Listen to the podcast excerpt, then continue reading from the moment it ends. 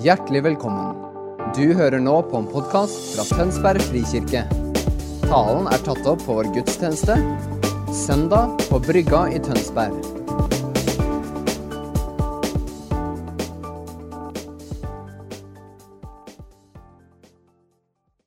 Så fint å få være sammen med dere en søndag formiddag. Som Svein Kjetil sa, jeg heter Egil Elling, kommer fra Stavanger og Imi-kirka der. og Noen av dere kjenner jeg, har møtt mange ganger. Andre kjenner jeg meg ikke så godt. Eh, men jeg er veldig glad for at, eh, at dere har fått vite at jeg både liker å løpe og heie på Viking. Og siden eh, du la liksom på bordet at du visste så litt om Viking, så vet jeg ikke om det var en invitasjon til å snakke litt om Viking nå, eller? Nei, vi kan ta det over kaffen etterpå hvis noen er interessert. Men det er fint å være sammen med dere. For oss i IMI og for meg personlig så betyr det mye å kunne tenke om dere i Tønsberg frikirke både som gode venner, men også som familie. Noen som vi vet at et annet sted i landet ikke er lik oss, men bærer på mye av de samme lengslene etter hva kirke kan være, det å se Guds rike komme nær, det å berøre, se Gud berøre mennesker rundt oss. Eh, og det å vite at en ikke er aleine, men at det er andre som er på den samme reisen, det betyr mye. Og vennskapet med Morten og Bergljot betyr både for oss som Mimi og for meg personlig også mye. Så jeg er glad for å være her, og jeg er takknemlig for at dere er her og holder på med det dere gjør. Um, når jeg ba for uh, Tønsberg frikirke, visste at jeg skulle komme hit og få være en søndag formiddag sammen med dere, og brukte litt tid tidligere i uka på å be, så uh, opplevde jeg at det ble minna om handla om at uh, dere må være de dere er. En sånn påminner om at dere er noe med å være de dere er. Hold fast på den de Gud har gitt dere, og den kirka Gud har gitt dere å være. Og med det det innebærer. Og så var det et ord på bønn spesielt.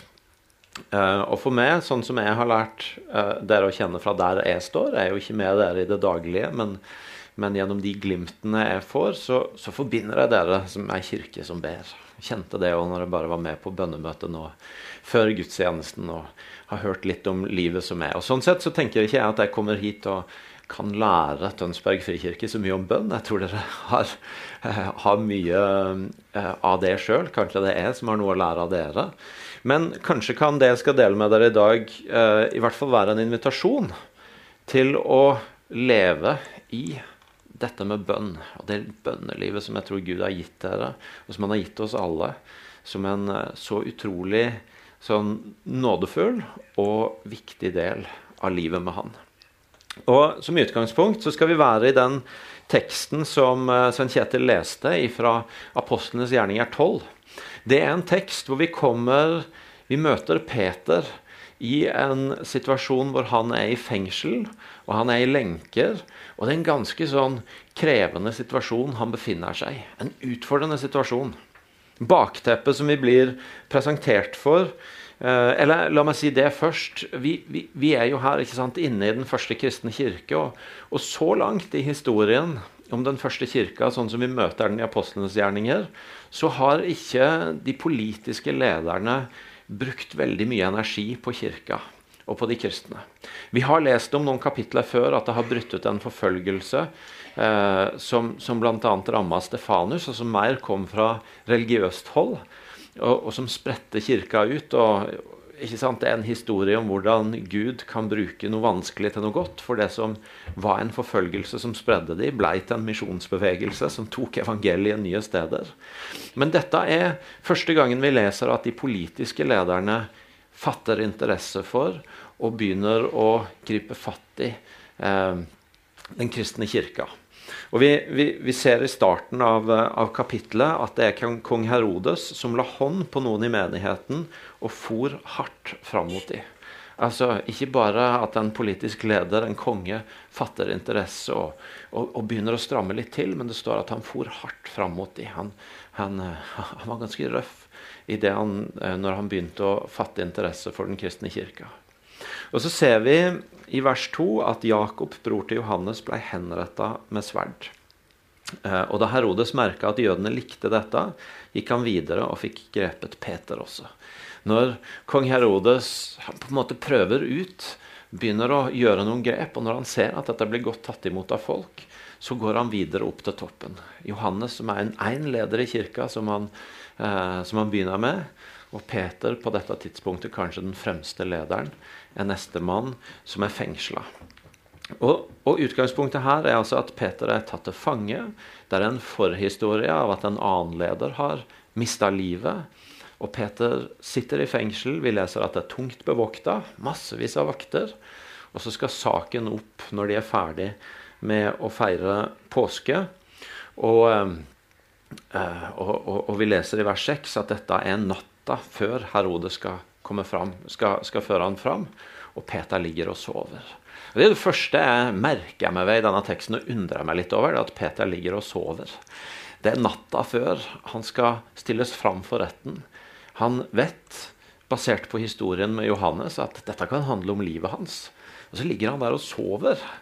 Det syns jeg jo er fascinerende i seg sjøl. Hva betyr det, Peter? Og det det er en del søvn i Bibelen, egentlig, så hvis vi hadde hatt god tid, så kunne vi hatt en liten sånn sidespor på søvnens teologi eller et eller annet. For vi leser jo noen, eh, noen historier om folk som sover i Bibelen, og de, de har litt ulik valør. Eh, profeten Elia, som, som har kjempa med profetene på fjellet, og, og, så opplever nedturen etterpå av å bli forfulgt og bli stått etter livet, og egentlig rømmer ut i ørkenen. og og når Gud møter han der, og han egentlig bare ønsker å få slippe, så er det første ordet fra, fra Gud til Elia det handler om ta deg en blund. Sov litt. Hvil litt ut. En sånn nydelig påminner om at noen ganger så er noe av det mest åndelige vi kan gjøre, det er bare å gi kroppen vår hvile. Få deg litt søvn og litt mat, Elia. Um, samme måte vi møter Jesus i evangeliene, ligger i båten og sover midt i stormen, som er et sånt bilde på at det å sove kan være et uttrykk for å ha fred midt i det som skjer rundt. Og Samtidig så vet vi at eh, når disiplene er med Jesus ut i Getsemane i natta før korsfestelsen, og, og, Jesus kjemper med sin far i bønn Er det virkelig dette begeret jeg skal ta? Så sovner de, og da er Jesus sine ord plutselig formanende. Sover dere nå? Klarer dere ikke å våke i denne stunda her? Det å sove, enten det nå er bokstavelig eller billedlig, kan i Bibelen både være et uttrykk for å ha fred og for å eh, være trygg i Guds hånd, eller for at det er tid for å våkne opp og henge med i det som skjer rundt, og det som er på ferde. Og akkurat hvor Peter er her, det vet vi egentlig ikke, for det forteller ikke historien. Kanskje hadde han gitt det opp, resignert. 'Jeg har ikke noe mer jeg kan gjøre, jeg må bare se hva som skjer'. Kanskje hvilte han i en fred over at på et eller annet vis så måtte Gud ha han i sin hånd. Men i seg sjøl så er Peter i lenker, og han er i en situasjon hvor han ikke har så mye han kan gjøre. Han er prisgitt hva andre velger å gjøre med han. Men så står det samtidig i vers 5 at mens Peter er sittende i fengselet, så står det imens ba menigheten inderlig til Gud for han. Så mens Peter er fengsla og den siste natta også ligger der og sover og, og, venter på dommen og ikke har så mye han kan gjøre, så er det en menighet, et fellesskap han hører til i et annet sted, som er samla i bønn, og det står til og med at de er samla i inderlig bønn. Og de òg, dette fellesskapet òg, har i utgangspunktet i seg sjøl ingen ressurser for å endre Peters situasjon. De er selvfølgelig fortvila over at en, både en de er glad i, en bror i troa, men også en viktig leder i kirka, er i den situasjonen, er fanga, står med liv i fare. Og i seg sjøl, så langt vi vet om dette fellesskapet her, så er heller ikke de noen ressurser for hånden til å bare gripe fatt i denne situasjonen. De, de er ikke noen posisjon til å gå inn og, og få Peter frigitt. De har, i den grad det måtte være mulig, å, å bruke litt sånn eh, shady omveier av, av, å, av, å, bestikke noen eller snakke med noen, så, så har vi ingen innsikt i at de, de besitter noen sånne muligheter heller. De òg er egentlig i seg sjøl maktesløse i møte med denne situasjonen. Men så, så står det det, da, at de er samla i inderlig bønn. Og de, mens Peter sover, de er samla i inderlig bønn. Og så gjør jo faktisk Gud noe så griper jeg faktisk Gud inn. Det skjer faktisk en endring. Vi leser i, fra vers 6 om denne engelen som plutselig står foran Peter. og lyser opp i rommet. og da kommer vi til det første punktet i historien som jeg må innrømme jeg humra litt av når jeg, når jeg, begynte å leve i denne historien for ei tid tilbake. For Jeg vet ikke hva slags bilder dere har av engler, men, men jeg har gjerne litt sånn distanserte, litt sånn gloriebilder av engler. De er litt sånn distanserte skapninger, gjerne med sterkt lys, kanskje noe glorie over seg. Og, og så kom jeg plutselig dette bildet av en, av en engel som puffer han i sida. Jeg har ikke sett for meg at engler driver med sånt. Jeg ser de litt mer på distansen. Det står at han dunker Peter i sida og sier han, 'skynd deg nå, stå opp'. Så en, en, en ganske nærværende og praktisk innretta engel som får Peter på beina, og Peter, litt fortumla, oppdager Kommer seg opp, lenkene har løsna. Uh, og, og, og, engelen fortsetter egentlig bare å være helt sånn praktisk. Ta, Få beltet om, om, livet og få på deg sandalene. Kle på deg, er det egentlig. Og så, og så, følger han Peter ut. Og så står det faktisk at det er først når Peter er ute på gata og engelen er borte, at Peter skjønner at dette skjer jo. Det er ikke bare en drøm, det er ikke bare et syn, det er ikke bare noe jeg forestiller meg, men dette skjer jo. Jeg er fri. I seg sjøl hadde han ingen løsning. Det var en menighet som heller ikke kunne gjøre noe, men som det de kunne gjøre, var å be. Og Peter han opplever at Gud kommer nær, denne gangen i form av en engel. Løsner lenkene, tar han, fører han steg for steg i sin fortumlahet ut. Og han er en fri mann. Dette med bønn det er jo et enormt svært felt. Vi kunne brukt mange taler på undervise om ulike aspekter av det og, og grave dypere ned i det. Og, og, dypest sett så tenker jeg at alle mennesker ber hvis bare situasjonen og desperasjonen er stor nok. Det er noe av det sånn mest grunnleggende vi mennesker deler. Det er dette ropet til Gud hvis vi bare trenger det dypt nok. Og i, eh, i den kirka jeg er en del av, i hvert fall, så, så snakker vi veldig mye om bønn i en mer sånn hvilende form. Det å være stille for Gud, det å ta imot fra Gud, det å finne ro hos Gud, finne trygghet for hvem en er i Gud.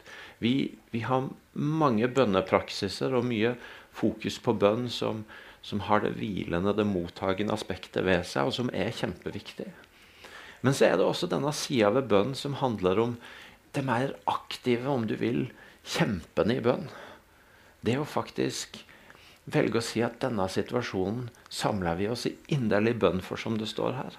Denne, denne saken at, at, at, disse situasjonene som vi ikke har noe løsning på, ikke har noe svar på, så har vi allikevel noe. Og det er muligheten til å løfte det opp i bønn, til å kjempe i bønn, til å samles i bønn for sånne saker som, som vi ellers ikke har et svar på. Jeg har i mange år vært en del av ei huskirke. og og Det har vært masse fint med det å være på en reise sammen over mange år. Noe av det, noe av det mest verdifulle, noe av det vakreste vi deler som fellesskap etter disse åra, det er en del av de tinga som vi har kjempa sammen i bønn for.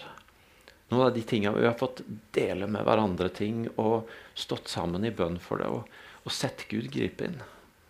Noen ganger fra en samling til den neste. De gangene hvor det er en fastlåst situasjon på jobb eller noe i hjemmet, eller det kan være en helseting eller noe. Også. Og så ber vi, og så kommer vi sammen et par uker etter, og så Du, det vi ba om sist, vet dere hva som skjedde? Men andre ganger så har det også vært saker som, som har stått på over ett år, over to år, og som vi ikke har sett et svar på verken etter første eller andre eller tredje gang. Men som vi allikevel har fått stå sammen i som fellesskap. Og så er Noe av det vakreste vi holder sammen, det er de historiene om Oi, der skjedde det noe. De som vi ba for i flere år om å skulle få barn. Og nå er de helt på oppløpssida til å vente nummer to. Disse, han som hadde kommet ut av rus og, og, og, jobba for å få etablere et liv. Og om ei uke må vi være ute av boligen vår, og vi har ikke penger, og vi har, vi har dårlig rykte og har ikke noe sted å dra. Og så kom jeg boligen på plass. Etter hvert så kom jeg jobben på plass. Og så kunne jeg fortelle dere flere eksempler. Men det der å få, få stå sammen om noe i bønn Noen ganger i et kort løp, andre ganger i et lengre løp. Og oppleve at Oi, Gud griper inn. Jeg hadde et sånt fint øyeblikk hjemme fra ei tid tilbake hvor vi rydda i gamle esker på loftet. og Hildegunn fant, kona mi fant bønneboka fra tida før vi skulle flytte til, fra Oslo til Stavanger for 16,5 år siden. Og Lese gjennom og Oi, du verden så mye av det som var blitt virkelig. Eller med barna mine. Jeg, jeg ber jo med barna mine, og noen ganger må jeg være ærlig med dere og si at jeg river meg litt i håret. og hvor jeg ellers måtte kunne rive meg. For, for, for jeg tenker åh, kom an, folkens. Ikke vær så nærsynte. For det er klart, når jeg, ber, når jeg, altså jeg er inne og ber med barna hver kveld, så, så er det ofte det handler om at de får, får ri med den hesten på ridetimen i morgen. Eller at det går bra på fotballkampen. eller eller at det blir fint vær når vi skal på tur med skolen. Og så, jeg, og så er det noe med det som er utrolig fint, at en kan være så tillitsfull med far, i, med, med, Gud, i, i møte med, med, hverdagen. Og så er det av og til en del av meg som er liksom Kom an, da, folkens. Løft blikket litt. Se litt større, litt lenger ut. Men så er det allikevel også noen sånne ting som vi hver kveld, mange år, har bedt for, har med, og de òg ber for og som vi ikke har sett et gjennombrudd på ennå. Men som jeg tenker jeg gleder meg til vi skal få ha de historiene sammen. Om noen av de tingene som vi bare ba og ba og ba for. Og så gjorde Gud noe. Og det første jeg tenker at denne teksten inviterer oss til, det er bare å stille oss dette enkle spørsmålet hva er det jeg vil, hva er det jeg vil holde opp i bønn? Hvem eller hva er det jeg vil kjempe for i bønn? I mitt eget liv, hjemme, i, i de jeg deler sammen med hjemme, eller i huskirka, i fellesskapet. Hva er noen av de tingene som vi skal stå sammen i bønn for, som i seg sjøl er låst? Som i seg sjøl ikke vi har ei løsning på. Men det vi har, det er muligheten til å be og til å holde fast på det i bønn.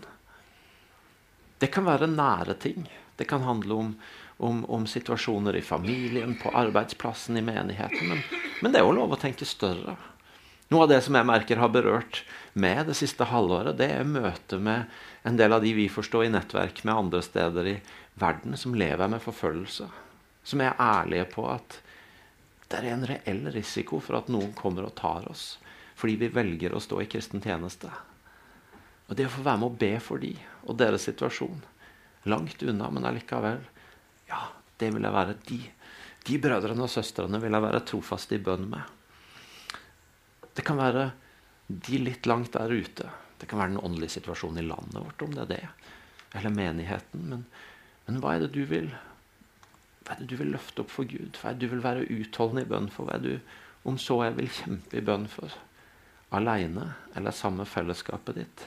Det opplever jeg at det er en invitasjon til i denne historien om Peter som er i lenker, og om menigheten som er samla i inderlig bønn. Men så er det det å, det å forkynne det, det handler jo om å se denne historien fra menighetens side. Og fra, fra, fra, hvordan de ser på denne saken. Men så går det jo også an å ta Peters perspektiv i denne historien. Han som er der i fengselet, i lenker, og uten et svar. Men heldigvis er det en menighet utafor som ber for ham. Og det er klart det at uh, dypest sett så kan du i denne historien finne fortellinga om evangeliet. Om å være i lenker, og om å ikke ha en løsning sjøl. Dypest sett så er jo det min situasjon, vår alle situasjon, i møte både med Gud og med livet i sin helhet.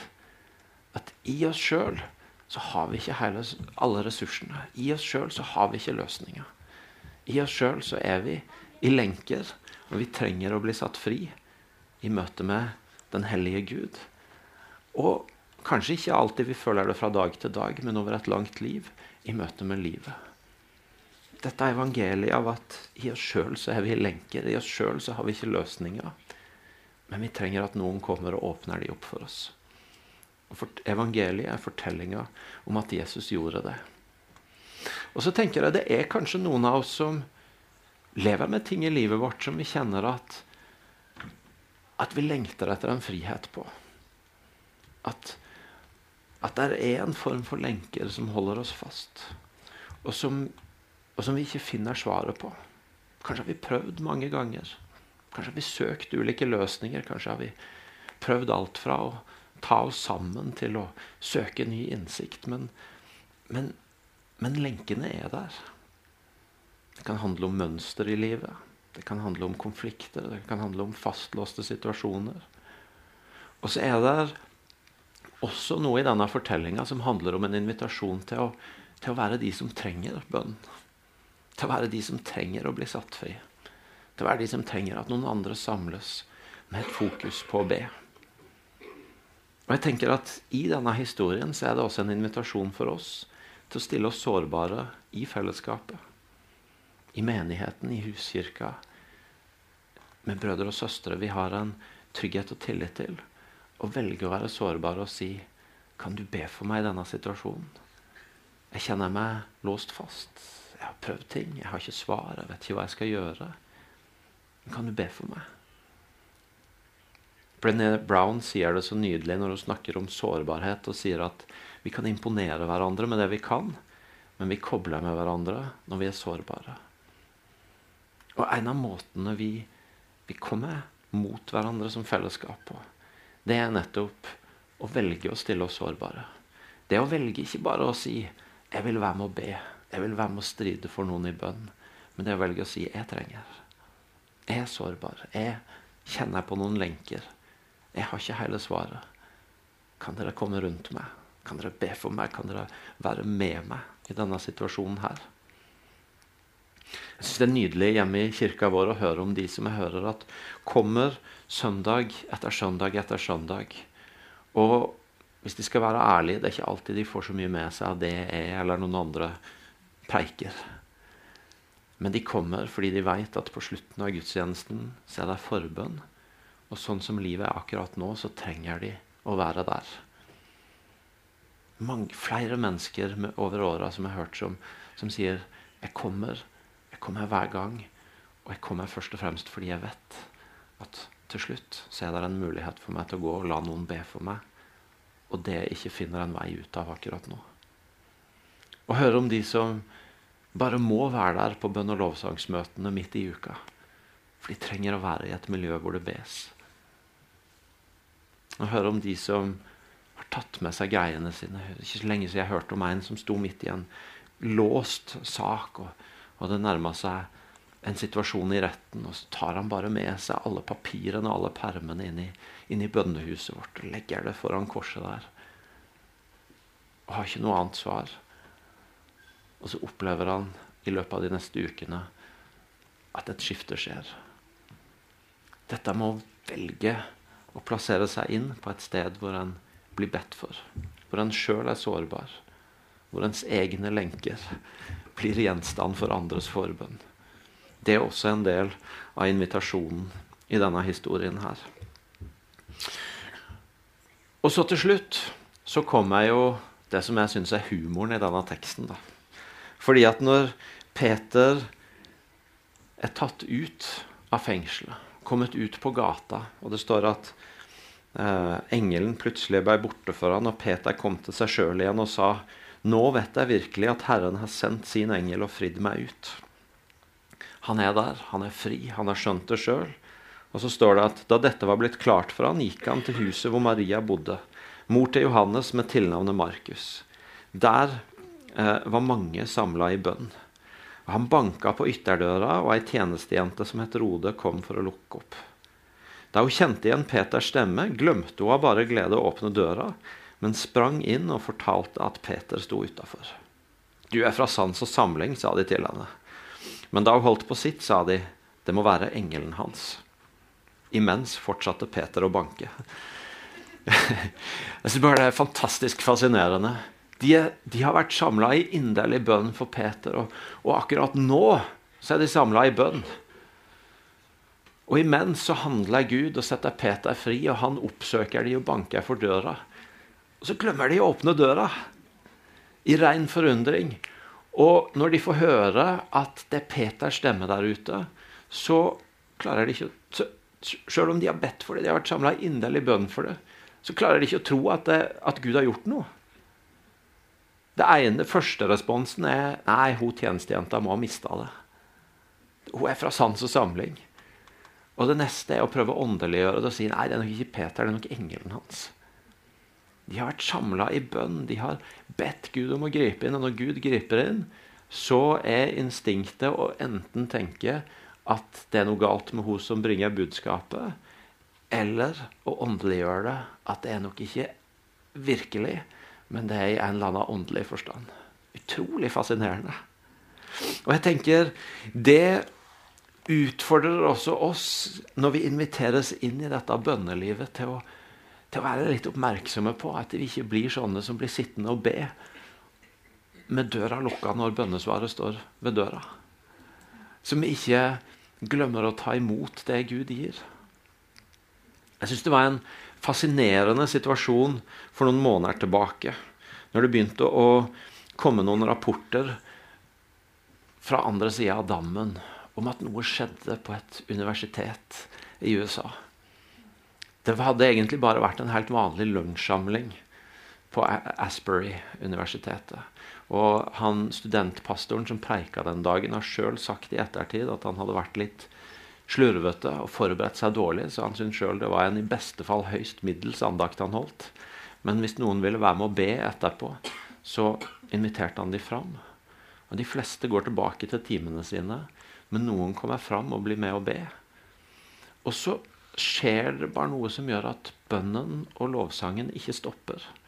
Og når folk begynner å komme fra forelesninger og timer, så, så begynner de å legge merke til at ja, men møtet er jo ikke ferdig. Det, det er fortsatt tilbedelse der.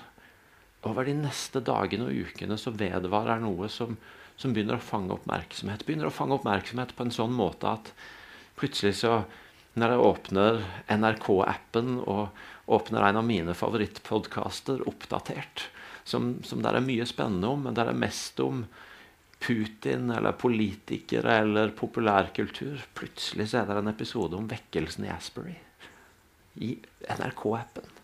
Og Noen dager seinere er det på fronten av VG-nett. Og så, og så var det i starten ganske sånn Hva er dette her for noe? Hvordan skal vi forstå det? Hva skal vi kalle det for? Er det vekkelse, eller er det noe annet? Er det, er det bra at folk reiser dit for å se, eller er det kristenturisme, eller og så vokser det fram noe som berører massevis av unge mennesker. Og i den tida der så leste jeg en post fra Post, ja. Veldig internasjonalt. En Facebook-post fra eh, eh, Pete Greg, leder av 24-7-bønnebevegelsen, som hadde vært over for å sett. Og han skriver, fritt oversatt til norsk fra meg. For det første som ofte har blitt sagt. Når det kommer til rapporter om vekkelse, så vil jeg mye heller være godtroende enn kynisk.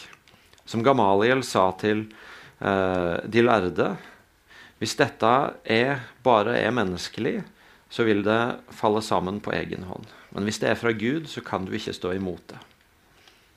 For det andre vi trenger dette.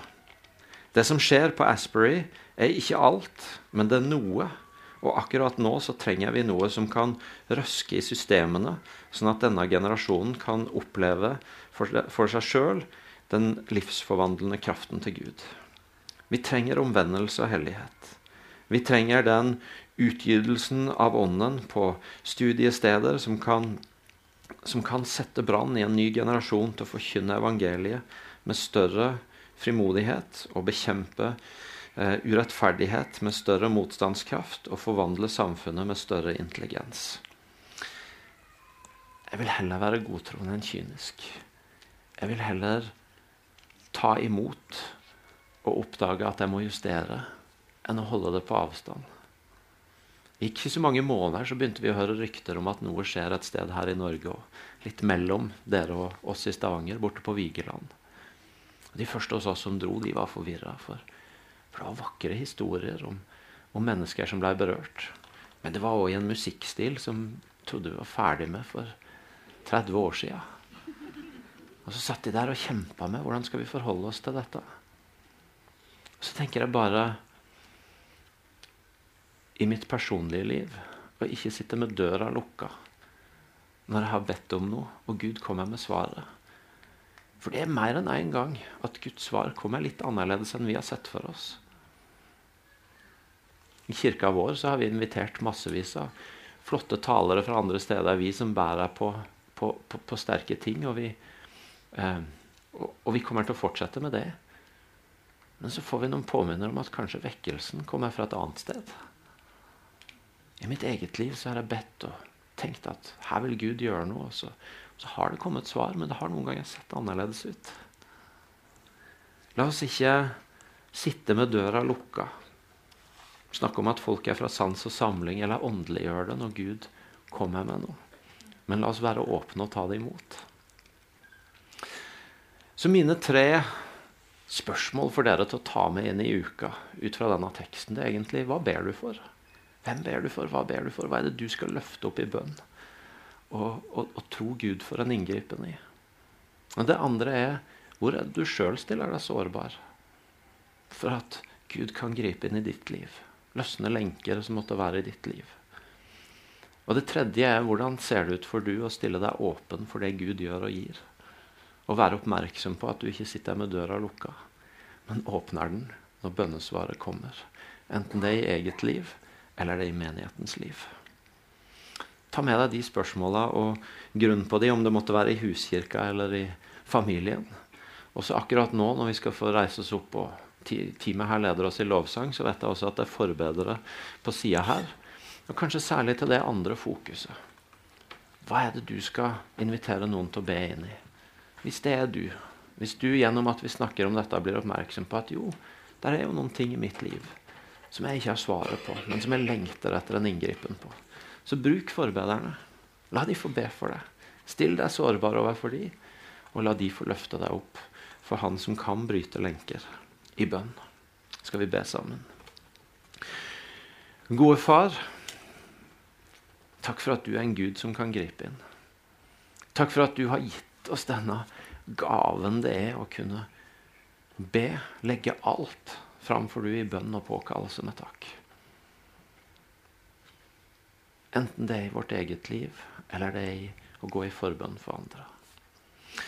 Og så ber jeg deg for oss alle om at vi måtte få være disipler og menigheter som ikke sitter med døra lukka for dine svar og for det du gir, men som åpner døra og tar imot det du gir, sånn som du gir det. Enten det handler om bønnesvar eller det handler om noe nytt du gjør. La oss få være de som åpner døra og tar imot. Du ser hver enkelt i dette rommet. Du ser hva en står i, hva en lengter etter, hva en fighter med. Kom de nær Gud. Berør de, og la de få se og ta imot når du handler. Amen.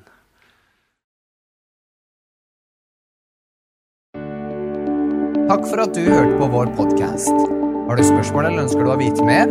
Søk oss på vår nettside tonsbergfrikirke.no. Du er også velkommen til kirke på Brygga i Tønsberg.